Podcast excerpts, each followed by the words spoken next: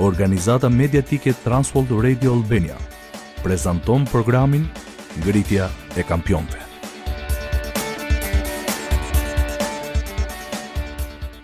Ishte përjetim i mahnitshëm. Kisha e parë ishte rritur në mijëra anëtar brenda një kohe shumë të shkurtër. Jakobi, Pjetri dhe Gjoni nuk e kishin planifikuar një kishë kaq të madhe, Madje s'kishin planifikuar të ishin asnjë kishë, por një ditë, Pjetri u shty nga fryma e shenjtë që të shkonte në një rrugë të qytetit dhe të predikonte për mëkatin dhe shpëtimin. Menjëherë, njerëzit rrëfyen mëkatet dhe pranuan me shumë dëshirë që të ndiqnin Jezu Krishtin. Pasi ndodhi kjo, këta që pranuan Jezusin, nisën t'u flisnin për Krishtin miqve dhe familjarëve të tyre, dhe t'i ftonin te kisha e parë. Pastaj, këta të fundit bënë të njëjtën gjë. Ishte vepër e mahnitshme e Perëndisë. Por pas pak, Jakobi, Pjetri dhe Gjoni mësuan se drejtimi i një kishe me mijëra anëtarë ua bënte të vështirë të plotësonin nevojat individuale të njerëzve. Po si t'ia bënin? Mirë se vini në programin Ngritja e Kampionëve. Unë jam Albani dhe jam këtu me Pjerinin. Kisha e parë u përball me sfidën e përmbushjes së nevojave të individëve të ndryshëm në kishë. Këta njerëz si unë dhe ti, duhet të lidheshin me njëri-tjetrin që të rriteshin në jetën e krishterë. Sot, në programin Ngritja e Kampionëve, do të shqyrtojmë zgjidhjen e Perëndisë për këtë problem dhe si mund të përfitojmë nga ajo që mësuan ata.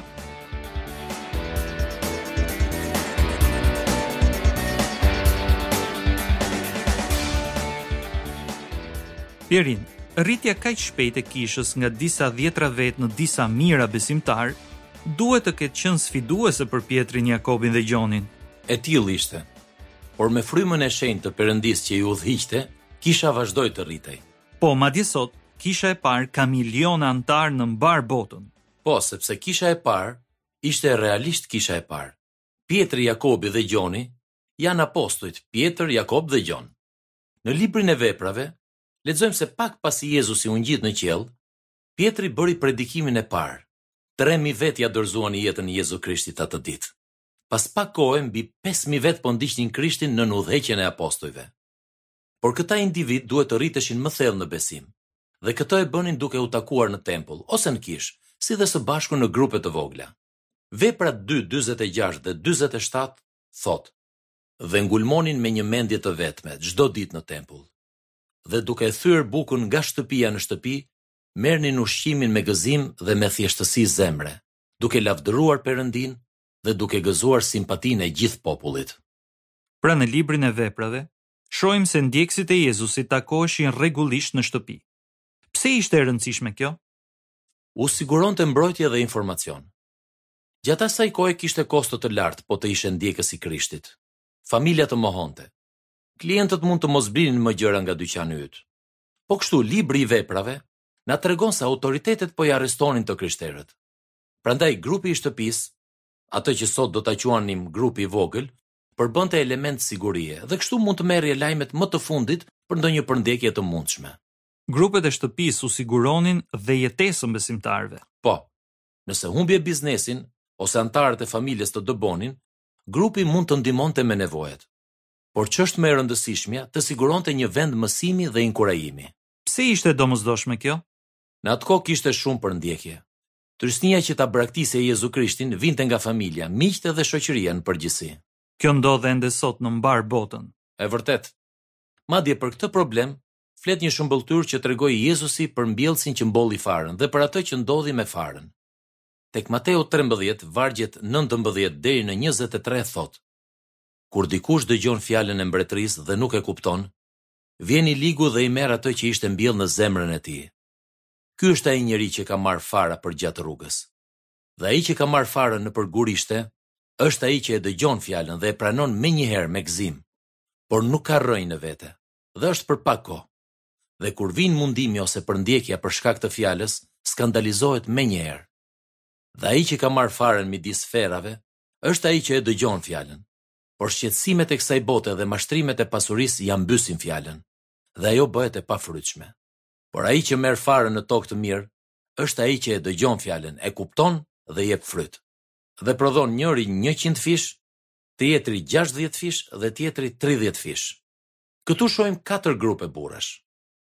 Ata që e dëgjojnë fjalën por s'e kuptojnë, kështu që i largohen Krishtit.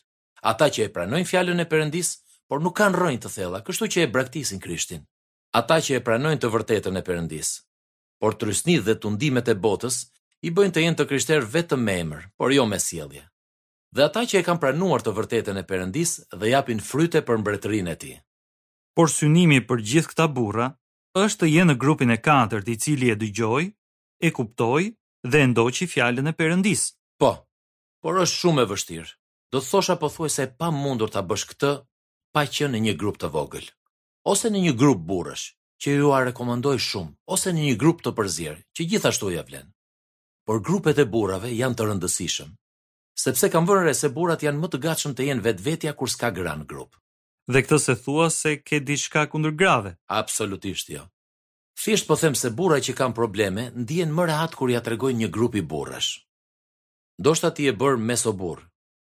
Je i martuar, ke tre fëmijë, ke një punë normale dhe po vret mendjen. Kaq ishte? Ndoshta vajza ose djali yt e ka braktisur besimin dhe fshetas ti ndihesh i shkatërruar nga kjo.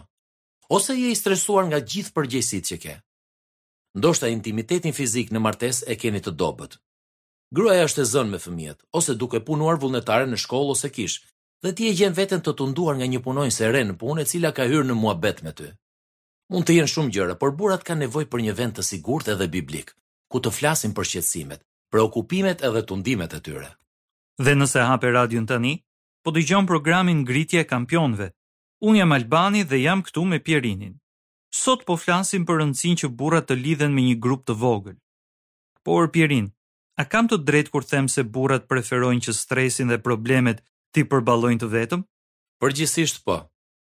Dhe ndonëse duket se këtë e kemi prirje të natyrshme, duhet të mos harrojmë se jemi në luftë shpirtërore. Satani dëshiron të na mposhtë. Apostulli Pjetër na paralajmëron tek e para e Pjetrit pesë, vargu tetë, Jini të përmbajtur, rrini zgjuar, sepse kundërshtari juaj, djalli, sillet rreth e qark si një luan vrumbullues, duke kërkuar cilin mund të përpijë. Dhe Satani e bën më së miri punën e vet kur jemi të ndarë dhe të vetmuar. Po. Dhe metafora e luanit vrumbullues është e përsosur, sepse grupet e luanëve gjuajnë si ekip. Ata i përvidhen tufës së antilopave, në drejtim të kundërt me erën, që antilopat mos i dëgjojnë apo nuhasin. Pastaj mashkulli kalon nga njëra anë, ndërsa femrat i dalin tufës nga ana tjetër. E ndjekin tufën për një farë kohe duke kërkuar të vegjlit, të moshuarit, të dobëtit dhe të sëmurët. Këtë e bëjnë sepse kur luanët sulmojnë, Zakonisht këta të fundit mbeten vetëm dhe mund të goditen lehtë. Edhe Satani përdor strategji të ngjashme me ne. Të marrim si shembull atë punonjësen e re që ka hyrë në muhabet me ty. Do të vijë një pikë kur në kokë do dëgjosh një paralajmërim. Ky është fryma e shenjtë që të thotë, rrezik. Burri i martuar s'duhet të ketë ato mendime për femrat e tjera. Dhe këtu ndërhyn Satani. Pikërisht. E kam parë shumë herë këtë. Ai i thotë dy gjëra atij burri. E para, S'ke asnjë arsye pse të shqetësohesh, sepse ndjenjat e tua janë gjë e mirë. Kjo është gënjeshtër. Dhe e dyta, s'ke pse ia tregon askujt ato që po ndjen. Gënjeshtër vdekjeprurëse. Satani dëshiron të na izolojë nga njerëzit e perëndishëm që mund të na ndihmojnë. Jo vetëm që të shmangim tundimin dhe të mos biem në mëkat, por edhe që të rritemi në Zotin. Alban, le të vazhdojmë me këtë situatën e punonjëses së re. Shiko si mund të të ndihmojë kalimi nga izolimi te lidhja me një grup të vogël. Po fillon të të pëlqejë kur e sheh atë femër në punë. Ajo të buzëqesh, mban erë të mirë dhe është gjithmonë e interesuar për mendimin tënd. Pas pak fillon të mendosh gjithë ditën për të. Pastaj ndodh diçka. Ajo të pyet nëse mund të hani drekë të nesërmen që të diskutoni për një problem pune. Ti thua po, dhe mezi po pret. Por të nesërmen në mëngjes takohet grupi i burrave të kishës. Ti shkon por je më pak i heshtur se zakonisht. Shpreson që askush të mos të të pyes për takimin në drekë. Por grupi i burrave ku je pjesë dhe ti janë shumë të mirë. Hë Bob, të thotë shoku yt Xhoshi, si po ia kalon? Mirë. Përpiqesh ta thuash me sigurinë më të madhe. Por ke një vit që shkon në atë grup burrash dhe Xhoshi e kupton se diçka nuk po shkon. Ndaj të pyet prapë, Bob, je mirë? Sigurisht i përgjigjesh ti. Pastaj ai të bën pyetjen e fortë. Pyetjen e fortë? Po. Kjo është pyetja që kanë rënë dakord të bëjnë të gjithë anëtarët e grupit. Madje kanë rënë dakord që do t'i përgjigjen sinqerisht. Bob, Mos po fsheh diçka? Ti nguron edhe largon vështrimin. Kjo i tregon Xhoshit se ka të drejtë. Të merr në një cep dhe të pyet. Bob, çfarë po ndodh? Ti i tregon për atë vajzën te puna se gruaja jote s'ta var dhe i tregon si ndihesh. Xhoshi të dëgjon, nuk të gjykon, madje as të jep vargje biblike pse e ke gabim. Thjesht të buzëqesh, të sheh në sy dhe të thotë, Bob, shoku im ndjekës i Krishtit si do të veprosh? Ty të rrëshqet një lot nga sytë kur mendon se iu afrove kryerjes së një veprimi që mund të të çonte në një gabim me pasoja për gjithë jetën. E falënderon Xhoshin dhe pastaj luteni të dy për forcën që të jeni besnikë ndaj Perëndisë dhe bashkëshortes. Alban, ja pse burrat kanë nevojë për grupet e vogla të burrave. Izolimi nuk funksionon. Pirin, po mendoj për ata burra që s'e kanë patur këtë grup të vogël për mbështetje. Sa shkatërrimtare duhet të kenë qenë pasojat? Është shumë e trishtueshme. Mbreti Solomon shkroi te Predikuesit katër, vargu nëntë deri në dymbëdhjetë, Dy vlejnë më mirë se një i vetëm, sepse kanë një shpërblim të mirë për mundin e tyre. Në fakt, nëse rrëzohen, njëri ngre tjetrin. Por mjerë ai që është vetëm dhe rrëzohet, sepse nuk ka njeri që ta ngrerë. Kështu gjithashtu nëse dy veta flenë bashkë, ata kanë mundësi të ngrohen. Por ai që është i vetëm si do t'ia bëjë të ngrohet? Në rast se dikush mund të mposhtë atë që është vetëm, dy veta mund t'i rezistojnë. Një litar tresh nuk këputet aq shpejt. Atëherë Pirin, si funksionon grupi i vogël? Duhet të jetë vetëm me burra? Jo, s'ka pse të jetë vetëm me burra. Grupet e vogla ku mund të jesh pjesë dhe ti me gruan janë shumë të dobishme. por përpos kësaj, ju rekomandoj fort që të jeni pjesë e një grupi burrash që duan t'i shërbejnë Krishtit me gjithë zemër. Sa për funksionin e vet, grupi i vogël i lidh njerëzit me njëri-tjetrin si dhe trupin e kishës në përgjithësi. Po kështu një grup i vogël i shëndetshëm ruan sekretin edhe fokusohet në mënyrë biblike në Krishtin. Pra mund të diskutoni për një larmi problematikash, por si themel dhe standard keni të vërtetën biblike. E drejtë. Që të jetë i frytshëm, grupi i vogël duhet të sigurojë një atmosferë besimi që inkurajon sinqeritetin, për të folur për preokupimet, shpresat dhe shqetësimet. Po kështu, duhet të sigurojë llogaridhënie, inkurajim, trajnim edhe mbështetje. Gjëja e mirë është kur grupi i vogël mblidhet për javë ose një herë në dy javë. Po sikur të mos kesh të disponueshëm asnjë grup të vogël? Nëse s'ke një grup të vogël në kishën ku shkon, Lutu që me ty të bashkohen disa miq të krishterë. Kërkoju të takohen me ty, ose me ty dhe gruan tënde për një periudhë të përcaktuar, për shembull për tetë ose dymbëdhjetë javë. Si fillim lexoni një pasazh si Lutja e Zotit tek Mateu gjashtë. Flisni për kuptimin e tij dhe si mund ta zbatoni në jetë. Pastaj mbylleni me lutje dhe lini kohë për lutje për nevojat e anëtarëve të grupit. Së shpejti ke për të parë që Perëndia do veprojë në mënyrën madhështore në jetën tënde. Faleminderit, Pierin. Miku im, Perëndia nuk i krijoi burrat që ta ndjekin Krishtin në vetmi. Shpresoj se do të marrësh hapin e rëndësishëm që të gjesh një grup të vogël dhe të marrësh pjesë në të.